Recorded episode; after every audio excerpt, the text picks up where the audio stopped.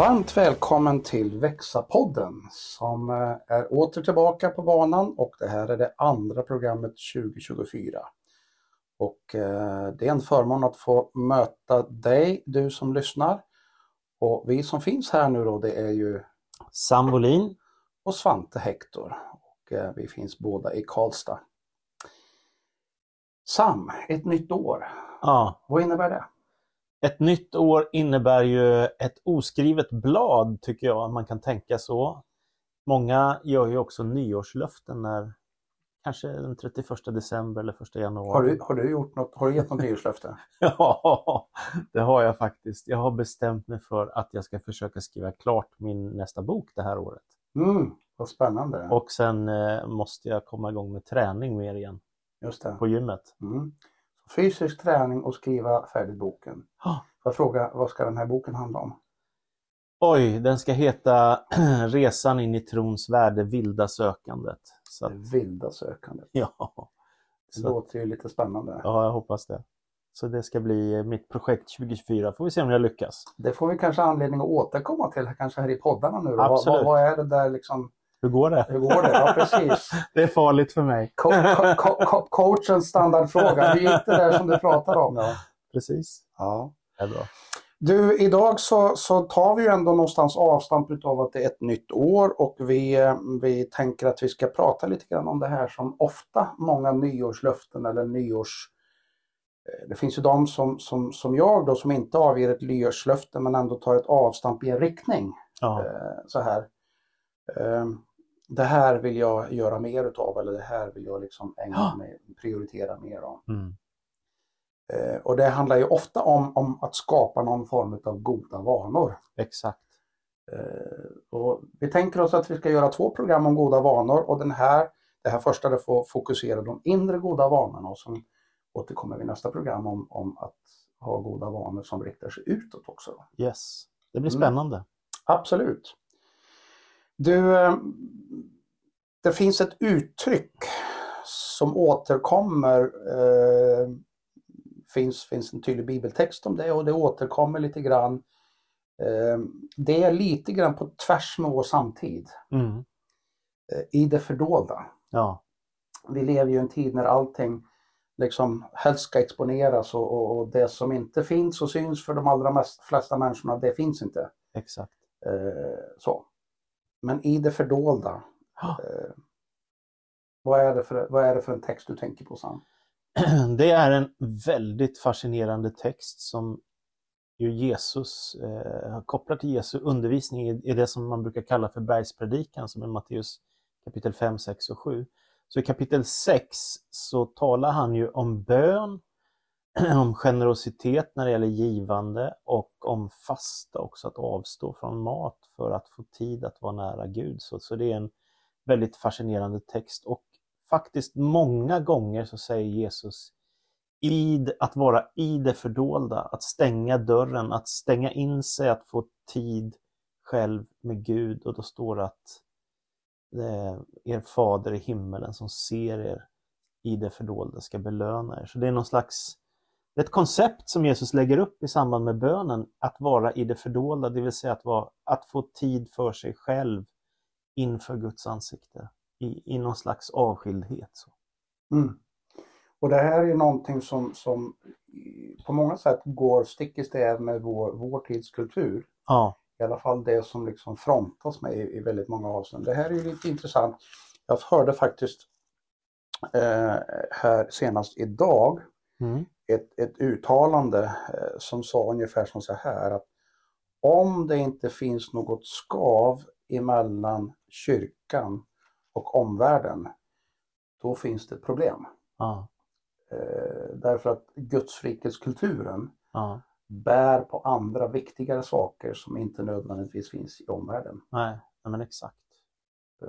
Och särskilt om man lever gudlöst så är det Mm. klart att det blir en stor kontrast verkligen. Och det här är ett sånt där i det fördolda. Men kan inte du läsa? Jo, jag läser. Det här är Jesu ord från Matteus evangeliets kapit eh, kapitel 6. Då står det så här, det är väldigt radikala, utmanande ord. Akta er för att göra goda gärningar inför människor, för att bli sedda av dem. Då får ni ingen lön hos er far i himlen. Men när du ger en gåva ska du inte basunera ut det så som hycklarna gör i synagogorna och på gatorna för att bli ärade av människor. Jag säger er sanningen, de har fått ut sin lön.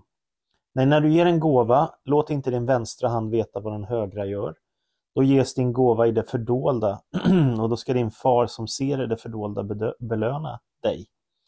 Och när ni ber ska ni inte vara som hycklarna som älskar att stå och be i synagogorna och i gathörnen för att synas inför människor. Jag säger er sanningen, de har fått ut sin lön. Nej, när du ber, gå in i din kammare och stäng din dörr och be till din far som är i det fördolda, då ska din far som ser i det fördolda belöna dig. Och när ni ber ska ni inte rabbla tomma ord som hedningarna. De tänker att de ska bli bönhörda för sina många ords skull. Var inte som det, er far vet vad ni behöver innan ni ber honom om det. Och sen så kommer den här världsberömda bönen då, Fader vår som är i himlen, som ju både tecknar bilden av Låt ditt rike komma i världen och låt din vilja ske. Och även det här lilla, liksom, ge oss bröd för dagen. Liksom. Så mm. det är gigantiskt. Och när Jesus har undervisat om det så säger han, när ni fastar, se då inte dystra ut som hycklarna som vanställer sina ansikten för att visa människor att de fastar. Jag säger det sanningen, de har fått ut sin lön. När du fastar, smörj in ditt huvud och tvätta ditt ansikte så att inte människor ser att du fastar, utan bara din far som är i det fördolda då ska din far som ser i det fördolda belöna dig. Mm. Så står det. Vad tänker du om detta Svante? Ja, men när du läser det här så, så blir jag ju påmind om eh, kärlekslivet. Mm. Jag konstaterar att de mest intima stunderna jag har med min fru, det sker ju i vårat stängda rum. Ja. Det är bara vi som är där, ingen annan är där. Ja, precis. Jag tänker ju att den här med lärjungaskapet och relationen till, till Gud, relationen till Jesus Kristus och den heliga Ande, ja. det är i grund och botten en kärleksrelation. Ja. Och den här djupa, intima närheten, den sker i det, i, i det stängda rummet eller i mm. det lilla rummet, i det mm. privata, i det, ja. det som här då uttrycks i det fördolda.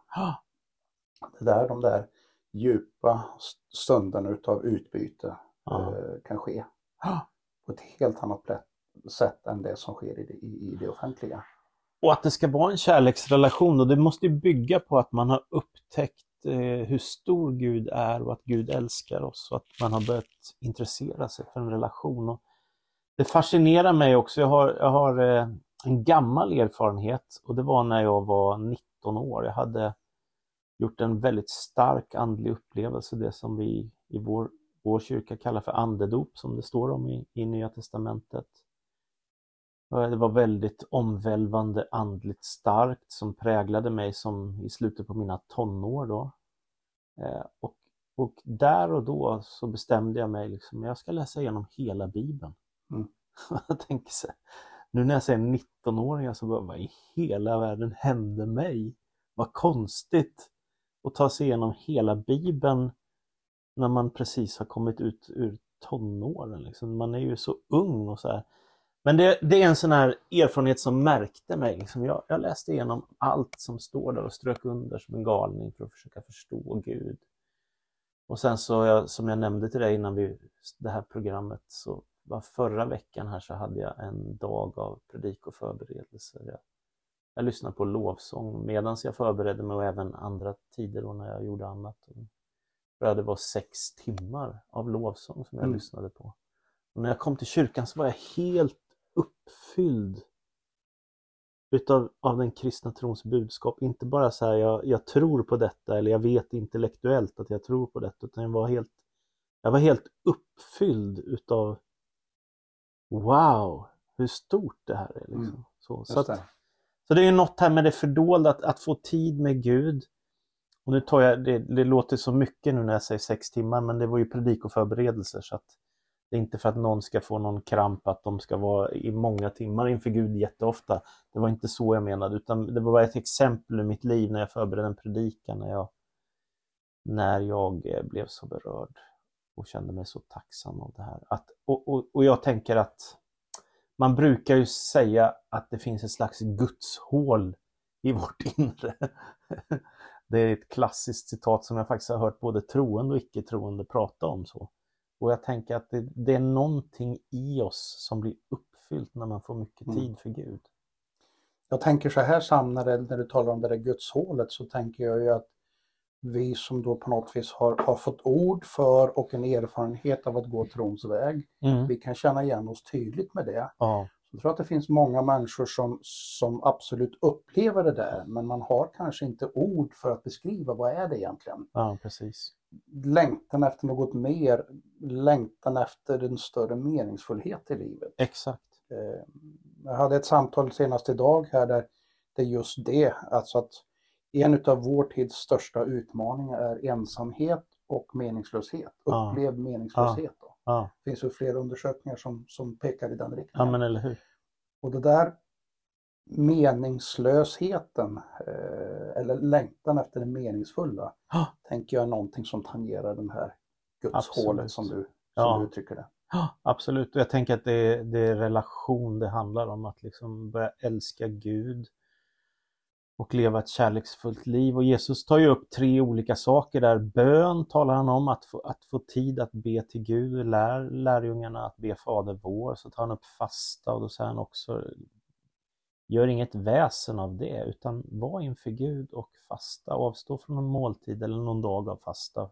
Bara för att få extra tid av Gud. Och om du ska ge en gåva, låt inte den högra handen veta vad den vänstra ska ge. Alltså det är, något, det är, inget, Men du Sam, nu måste det är jag, motsatsen till, till nu måste jag ställa en fråga här. Och, Ja. och det är baserat på att jag, jag, jag har själv fått den och flera som har liksom drivit det här lite grann. En del de hävdar med bestämdhet av att fasta, som Bibeln talar om, det gäller bara mat. Mm. det är bara mat som man kan fasta ifrån. Andra Mm. menar att nej, men man kan absolut fasta eh, från andra saker som Ja. sociala medier och så Ja. vidare. Absolut. Du som teolog, du som har, eh, har läst Bibeln nu då Ja. eh, många gånger Ja. och grottat i det här. Vad, vad, vad tänker du? Jag tänker att eh, det är att, ta, att ge utrymme för Gud i, i ens liv och helt plötsligt så blir ju perspektiven så mycket större. För mig blir det hisnande att tänka att lilla jag i mitt, på mitt kontor där jag har mina böcker och grejer kan faktiskt få be till universums skapare eller få kontakt med Gud. Och, det, och då tänker jag så här att ja, men det spelar egentligen ingen roll vad det är jag avstår ifrån. Om det är mat, det tar ju tid att laga mat och sitta och äta. Om jag avstår, och man kan ju hoppa över en måltid eller flera. Jag tänker det är inte mängden utan att. Eh, likadant om man sitter och kollar på TV varenda kväll och slösar med timmar. Så det är klart att det liksom, till slut så blir det ju eller sociala medier eller tidningsläsande eller man kan slösa med sin tid. Eh, och jag tänker, det är absolut inget eh, fördömande. Jag gör ju själv detta, liksom läser tidningar, tittar på TV och sociala medier. Så det är inget sånt. Men det är ju mer att, att man uppfylls utav ytlighet som är problemet. Mm. Istället för att få tid för det som verkligen bor i ens innersta. Det 'Det djupa. Det djupa Och Guds... utan det djupa så tycker jag att livet blir väldigt meningslöst Mm. och torftigt. Mm. Då är det liksom äta, jobba, sova, äta, jobba, sova, äta, jobba, sova. Semester, äntligen! Eller fredag, äntligen! Vi, vi har ju berört då både det här med bönen och du läste, du, du berättade om Herrens bön och, och lite grann fastan har vi berört om. Men givandet som ju också är en del utav det här bergspredikan om Matteus 6, eh, sjätte kapitlet så, eh, och och allting handlar om att göra det fördolda. Vad, vad tänker du om givandet? Är det, är det också någonting som har med den djupa gudsrelationen att göra? Ja, absolut. Och det kanske vi kommer in lite på i nästa också, att vara utgivande i sitt liv. Nästa program ska vi prata mer om det, att ge ut.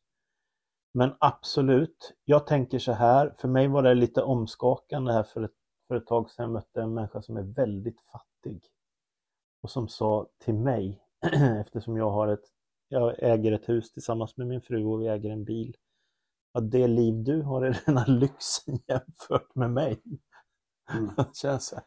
Det var inte så snälla ord. Men det här är en väldigt fattig människa som går på socialbidrag. Mm. Och då förstår jag precis vad han menade när han sa så till mig. Eh, så jag tänker så här. Så fort en människa får en lön eller har pengar till exempel, om man tar det som ett område, så tänker jag man kan inte bara, särskilt inte vi som lever i den rika världen, bara investera i sig själv. Mm. Då blir man otroligt självupptagen och egoistisk. Utan jag tänker, till exempel i Gamla Testamentet finns en jättebra princip av tiondegivande, att man kan ge bort en del av sin lön till exempel till någonting man tycker är viktigt som gör skillnad för, för en kyrka till exempel som vi är med i eller för fattiga människor som, som har det svårt. Eller, alltså att, att vara generös. Mm. För man blir inte lycklig av att ha massor av pengar Får jag fråga på en banken. personlig fråga nu då Sam? Ja. Du har ju varit gift med din fru, Ja, Fotola, i Ja. många, många år. ja. Vad kostar det för dig att vara gift med henne? Vad är du beredd att ge? Vad har du varit beredd att ge? Ekonomiska termer för att, för att du älskar henne. Nej men det betyder ju allt. Eh, Det, hon är ju en sån klippa i mitt liv så att eh, det skulle ju vara en fullständig katastrof för mig om, om jag inte var rädd om det. Det skulle vara... Men, men, men, men, men om vi nu pratar om givande här nu då. ja. Hon får, hon får gärna kosta. Hon får gärna kosta. Ja, absolut. Absolut. För att hon är så viktig för dig. Ja, jag älskar henne och hon är ju min livskamrat så det är inget konstigt med att, att det kostar. Det, det måste vara så. Men jag tänker vi ska inte bara satsa på oss utan jag tänker vi, i alla fall alla som har en vanlig inkomst i Sverige har råd att investera i andra människor eller i en kyrka eller i hjälporganisation, hjälpa till så att andra människor får det bättre. Vi ska återkomma till det givandet i nästa program. Men, men Ja. min, min poäng var bara så här att den du verkligen älskar, den får också stor plats när det gäller hur du prioriterar din tid och din, din ekonomi. Ja, verkligen. Och för mig då till exempel, förutom, du pratar om min fru, men för mig är det extremt viktigt att vi har en kyrka som är kraftfull och levande. Mm. Och då är det självklart för mig att faktiskt ge ordentligt med ekonomi för att det ska finnas resurser. Mm. Men låt oss switcha. Jag tänkte på det här med bön också då. Mm. Eh, och eh, jag har ju faktiskt väldigt fina minnen av din pappa Svante. När jag satt hemma hos honom så berättade han om att han vaknar ibland på nätterna, på den tiden han levde. Mm. Då gick han och satte sig i en fåtölj. Berätta lite om det. Ja. Pappa vaknar nog nu och då på nätterna så långt jag kan minnas. Mm. Eh, och det kanske blir mer på, på ålderns höst. Ja. Eh, men jag vet ju med mig att han ofta berättade, inte liksom för att skryta eller i det offentliga, utan han, det kom bara i förbifarten så här att ja, i natt när jag vaknade så bad jag för det här och bad jag för dem och bad jag för det. Och Så han hade en bönefåtölj han hade en plats som han ofta gick och satte sig. När han vaknade gick han upp och gick en sväng kanske på toa och så kikade han runt lite grann. Så satte han sig där i bönefåtöljen och så satt han där och bad en stund. Mm. Så gick han la sig igen sen. Och det verkar som att det, det var någonting i nattens tystnad som gjorde honom mer, kanske mer känslig för, för vad han skulle be för och kanske också känslig för gudstilltalet som sådant. Mm. Vad fint. Hur påverkade det dig Svante att din pappa var sån? Ja, på något vis så, så, så, jag vet inte om det är en medvetet val, men jag upptäcker att jag blir mer och mer lik honom. Eh, Det är i år sju år sedan han dog, ja. sex och ett halvt just nu. Ja. Eh, Och jag återvänder ofta till, till, till det exemplet som han gav. Ja. Som jag kanske inte riktigt förstod när jag var ung, men Nej. kom att förstå mer och mer eh, med åren. Ja. Eh, Nej, men han var ett föredöme Ja. på många sätt. Och när han dog så kände jag ju faktiskt väldigt påtagligt så här. Hur blir det nu? Ja. Han har varit min kanske viktigaste förebedjare. Hur blir det nu? Ja. Nu blir det ju tomt. Eh, Så det var väldigt påtagligt när han dog. Så han hade verkligen skapat ett rum för det fördolda i sitt liv? Ja, det uppfattar jag absolut. Han, han eh, uppfattar inte att han liksom basunerade det här, men de som levde nära honom, de, de märkte av Han dem det det. Väldigt fint. Ett, ett så vackert föredöme och exempel. Han har faktiskt inspirerat mig också till, jag har inte skaffat någon bönefåtölj men det är ju något med när man har fyllt 50 och kommit över de där åren, man vaknar lite mer på Mm. nätterna av någon konstig anledning. Så jag har börjat tänka så, men nu vaknade jag för tidigt här, men jag kan faktiskt be en stund. Mm. Eh, Jag ligger kvar i sängen oftast. Men, eh, men faktiskt bara det där, det är en väldigt fin tanke istället bara för att försöka skruva på sig och försöka somna om, att faktiskt ta en Mm. stund och be. Mm. Mm. Ja. Ja, men så är det. Jag, jag hade här bara för några dagar sedan en, en natt, jag sov ett par timmar och så vaknade jag. Ja, Det var någonting som på något vis skavde i mitt sinne. Jag kunde inte sätta upp vad det var för någonting. nej. Ehm, Men jag blev i någon form utav blandning mellan bön och jag började öppna och läsa Bibeln. Mm. Och inte förrän, förrän det här samtalet i, i bibelordet och i bönen landade i just det, det här måste jag göra. Mm. Och när jag hade liksom bestämt mig för att nu ska jag göra det här, Ja. då somnade jag sen. ja, fint. Och dagen efter så kommer en man eh, och ropar på mig eh, i ett sammanhang och så säger han Du, jag vet inte vad det är för någonting men jag har inte sovit i natt men jag har bett för dig hela natten. Mm. Det där som Gud har talat till dig om, det ska du, det ska du vara frimodig med. Otroligt fint. Det var, det var en ganska häftig upplevelse måste jag säga. För att någonstans, jag hade det fördolda rummet. Men genom himmelens Gud så kopplades det ihop uppenbarligen med en annan persons fördolda rum. Ja, häftigt. Och om du tänker att du inte skulle ha det där fördolda rummet, hur skulle det påverka dig Svante? Om du tänker att du bara liksom snickra och åka och köpa mat och jobba och liksom, hur skulle det vara? Vad skulle hända med dig då? Det är svårt att överblicka det men jag tänker en av de spontana känslorna, det skulle bli väldigt tomt. Ja, Och det skulle nog också bli väldigt, väldigt liksom ytligt. Alltså, för mig är ju det här fördolda rummet är ju en plats där, där, där jag börjar att se de stora, de stora vyerna mycket mer. ja.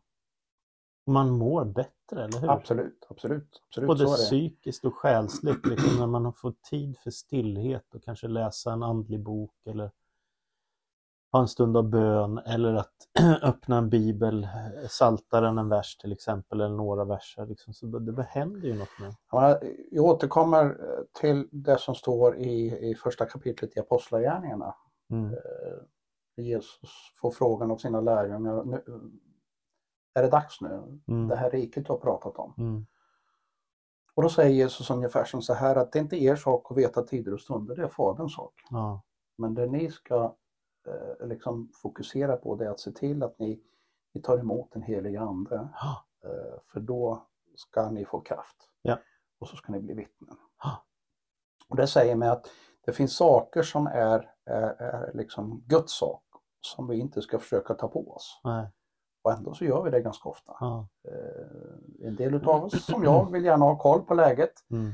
Och, och, och det där kan bli för mycket och det blir en för tung börda att bära. Men i det fördolda rummet så är det som att där får vi lämna över på Gud saker Ja. och ting. Ja. Så får han visa, okej, det där kan du släppa men det här ska du fokusera på. Det blir någon form av tydlighet i livet. Eh, Så är det både typ så här oro och stora uppdrag som du är involverad i eller vad händer, liksom, vad är det du kan lämna, vad händer med dig? Jo men absolut, jag tänker så här att se den stora bilden och se hur, sko- hur stor Gud är. Mm. är ju någonting i den här nära. Det är en paradox. För att å ena sidan är Gud fantastiskt stor. Och ändå i det här fördolda rummet så blir det en sån här oerhört intim, nära relation. Mm.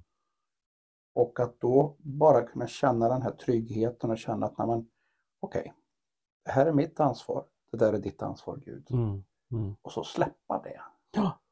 Och sen med frimodighet ägna mig åt det som är mitt ansvar. Det, det, det blir en fantastisk frihet. Mm. Och ett äventyr. Mm. För det är klart att jag som människa har ju inte riktigt full koll på, vet ju inte vad Gud har för vändningar runt bakom hörnet. Nej, Men det blir ganska äventyrligt verkligen. om jag kan ha tillit till honom. Ja. Ofta vet Eh. vi ju inte ens hur morgondagen ska se ut, även om vi har en del saker inplanerade i almanackan. Egentligen vet vi inte något om morgondagen. Nej, nej. Och då blir det en slags trygghet också. Ja, absolut. Absolut blir det så. Spännande. Mm. Spännande. Du, jag tänker på oss också så här innan vi går vidare till det här med, med eh, andliga övningar så Eh, Vi träffade ju några här i veckan som utmanade oss. Vi talade om, om eh, att be för att ha relationen till Gud, eller hedningarnas bön. Kan du säga något om det Svante? Ja, men vi träffade ju här och lyssnade på en, en eh, koreansk kvinna som kommer från Nordkorea från början. Ja, eh, och berättade om livet där och vad det innebar att vara en efterföljare till Jesus där. Eh, fantastiskt utmanande men också uppfriskande av att höra hennes berättelse. Mm. Och sen så har hon nu flytt och, och hamnat i Sydkorea. Och hennes reflektion var ju att i Sydkorea så uppfattade hon då att man oftare bad det hon beskrev som hedningarnas bön. ja, Det vill säga mer fokus på det här, det här materiella, det här, det här liksom fysiska runt omkring. ja, Eh, medans det var mindre utav det här att Guds rike, ske din vilja. ja. ja. Det är också en utmaning vad man har för fokus i sitt liv. Mm. Vi måste hinna med att säga något också om eh, den andra bibeltexten som vi skulle gå in på. Ja, det är ju en bibeltext som är hämtad ifrån första Timoteusbrevet och Timoteus är ju då en, eh, vad ska man säga, en lärjung eller en adept till, till Paulus. Mm, aposteln. En ledare som Paulus coachar, som Paulus är som en far för. Mm, Ehm, och, så, och så ger han honom goda råd. Och i, i fjärde kapitlet är en text som kopplar till både det här med fysisk träning och gudsfruktan. mm. Precis. Och då skriver aposteln Paulus så här till sin, eh, som mentor då till sin lärjunge Timoteus. Du kan vara Kristi Jesu tjänare som hämtar näring ur tron och den goda lärans ord som du har följt. Men de gudlösa gamla myterna ska du avvisa. Träna dig istället i Guds fruktan. Fysisk träning är nyttig på, på sitt sätt, men Guds fruktan är nyttig på alla sätt. För den har löfte om liv både för den här tiden och den kommande. Detta är ett ord att lita på, värt att ta till sig. Det är därför vi kämpar, för vi har satt vårt hopp till den levande guden som är frälsaren för alla människor, först och främst de som tror. Vad tänker du om detta Svante? Ja, för det första så, så tänker jag att det finns ett ord här, gudsfruktan, Ja, som är lite problematisk i vår tid. ja, Därför att ordet förefaller ofta laddat med just fruktan. ja, Eh, Men jag uppfattar ju att det är inte egentligen rädslan som är grejen. nej. Vad, vad, vad är egentligen det här ordet gudsfruktan? Vad är, vad är det laddat? Vad är betydelsen som är avsedd när exempelvis den här texten skrevs? Ja, men är det inte vördnad eller att ha respekt för Gud eller, eller liksom kontakten med universum skapar att man, man har någon slags respekt för Gud Mm. och kärlek och vördnad, inte att man är rädd för Gud. Mm. Så tänker jag. Mer åt det här att det här är fruktansvärt viktigt. Ja, och det är kanske ett, ett eh, bibliskt ord för en stark andlighet på något sätt, Mm. Guds fruktan. Att vara en, en eh, andlig människa eller en from människa som man sa förr. Eh, Så det handlar inte om att vara, vara rädd för Gud men mer, mer förundran över Guds storhet och respekt över Guds storhet. Exakt, exakt. Mm. Och där så sa ju vi när vi började prata om det här att innan vi, när vi förberedde det här programmet att vi båda två konstaterade att det är någon slags kärleksrelation det här bygger på. Mm. Andliga övningar eller goda vanor och att eh, byggas upp i sitt inre Mm. eller ägna sig åt god andlighet. Det är inte framförallt en plikt Det är inte pliktdrivet, nej. utan det är framförallt en kärleksrelation till Gud. Kärleksdrivet, ja. Och när man lever i den kärleken så uppfylls man ju själv också av den helige andes närvaro på något sätt som gör något med ens liv. Men du, du skrev också på den här tavlan som vi har framför oss när vi står och pratar att regelbundenhet inför Gud är mycket viktigare än mängden av tid. Mm. Säg något. Ja, men det är ju min egen erfarenhet av att det där som man gör ofta, kanske inte så länge, men det som man gör ofta återkommande, det är det som för en längst. Ja, Alltså några få långa kliv någon gång ibland, det tar en inte speciellt långt bort. nej. Men många små kliv regelbundet, det tar en på en rejäl resa. Ja, Det är min egen erfarenhet och jag tänker att för de flesta människor så när man pratar om att skapa goda vanor så är det klassiskt, jag, går, jag tränar på ett gym Ja. och, och de här coacherna på gymmet eller personliga tränare de säger ju liksom att ja i början på året då är det väldigt många som kommer och tränar och sen klingar det av efter Och det verkar ju vara som så här att eh, när man många de tar i, nu ska jag, nu ska jag verkligen satsa här. ja. Och så ger man järnet och tar i för mycket. Så att orkar man, man man orkar inte. Nej. Medan däremot min erfarenhet är att där jag har, har börjat att ta små steg och glädjas över det. Ah. Så kommer längtan efter att ja, men jag måste göra det här, det här var så roligt, det här var så bra så det här vill jag göra mer utav. Ah. Då blir det inte pliktdrivet Nej. utan det blir istället längtan över att men det, här, det här är så bra. Ah. Min personliga erfarenhet är ju att jag har aldrig haft så bra dagar någon gång som när jag gör två saker. Ja. Det är dels när jag tränar på gymmet Mm. och dels när jag ägnar mig åt ordet och bönen. Ja. Ibland kan jag göra både och. Mm. Som idag när jag var och tränade på gymmet en timme ungefär Mm. så ägnar jag hela den tiden åt att lyssna på, på, på bibelordet. Och jag, Vad härligt. I Hör- hörlurar då? I Eller? hörlurar, ja precis. Ja. Jag, jag fascineras över berättelsen om kung David bland annat och, Ja. och alla vändningar där då. Så helt plötsligt så kan man göra både och samtidigt med dagens teknik också. Ja, Det är precis. häftigt. Det är häftigt.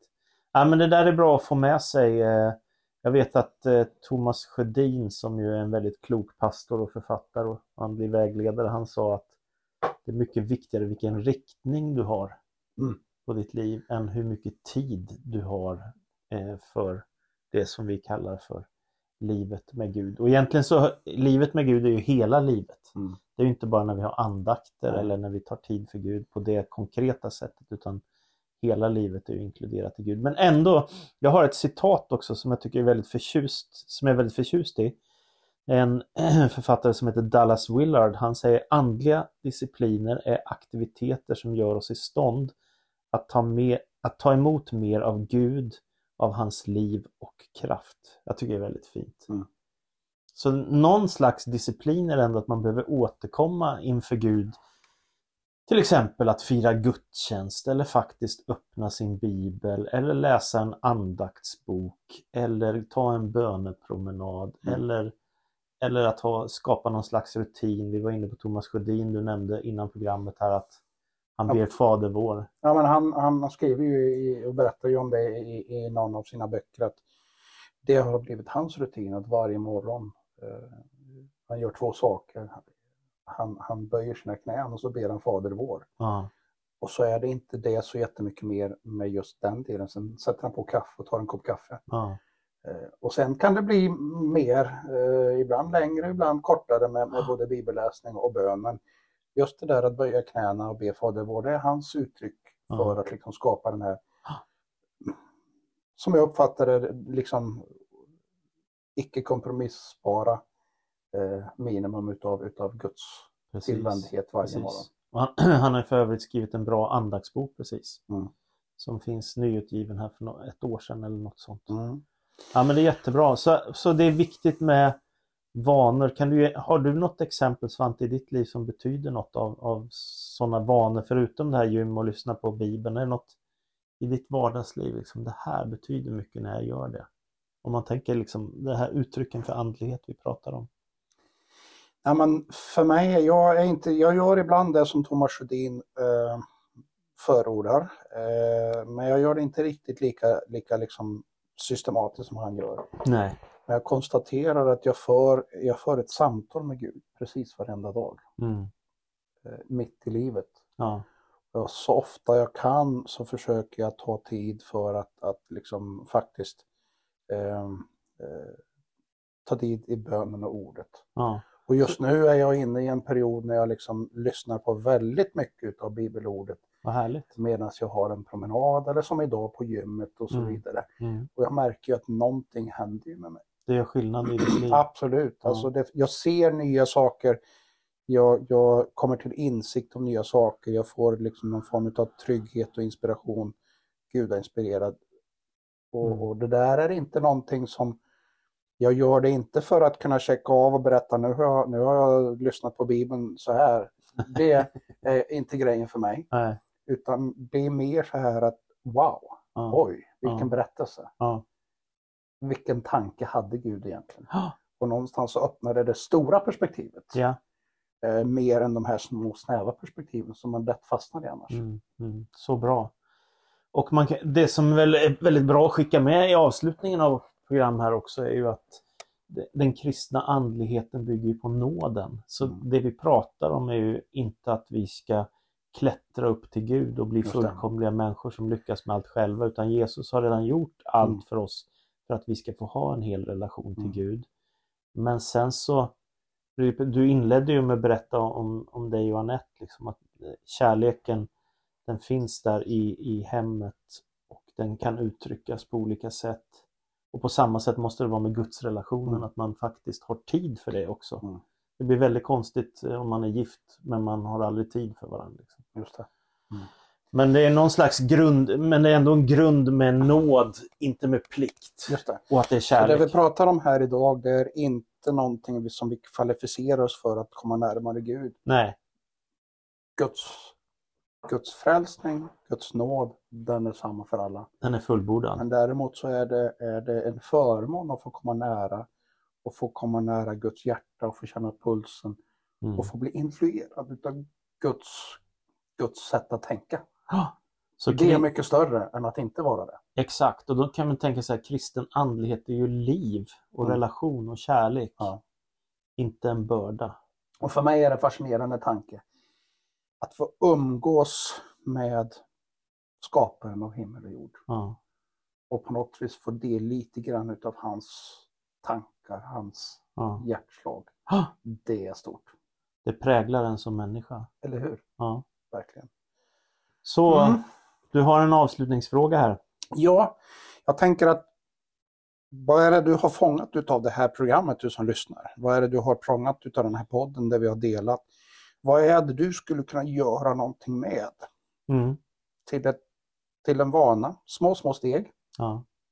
Något steg som du skulle kunna ta. Och min rekommendation är att hitta någonting du kan göra inom 24 timmar. Och det är viktigare alltså med att än hur mycket. Precis. Ja. Riktningen Ja. att göra det. Och har man svårt att börja så kanske man, man, man kan sätta på lovsång hemma och Mm. bara vara inför Gud. Bara börja, så enkelt. Och kanske göra det som Thomas Sjödin rekommenderar. Be Fader vår varje Ja. dag. Ja, varför inte? Smaka på det och Mm. se vad som händer.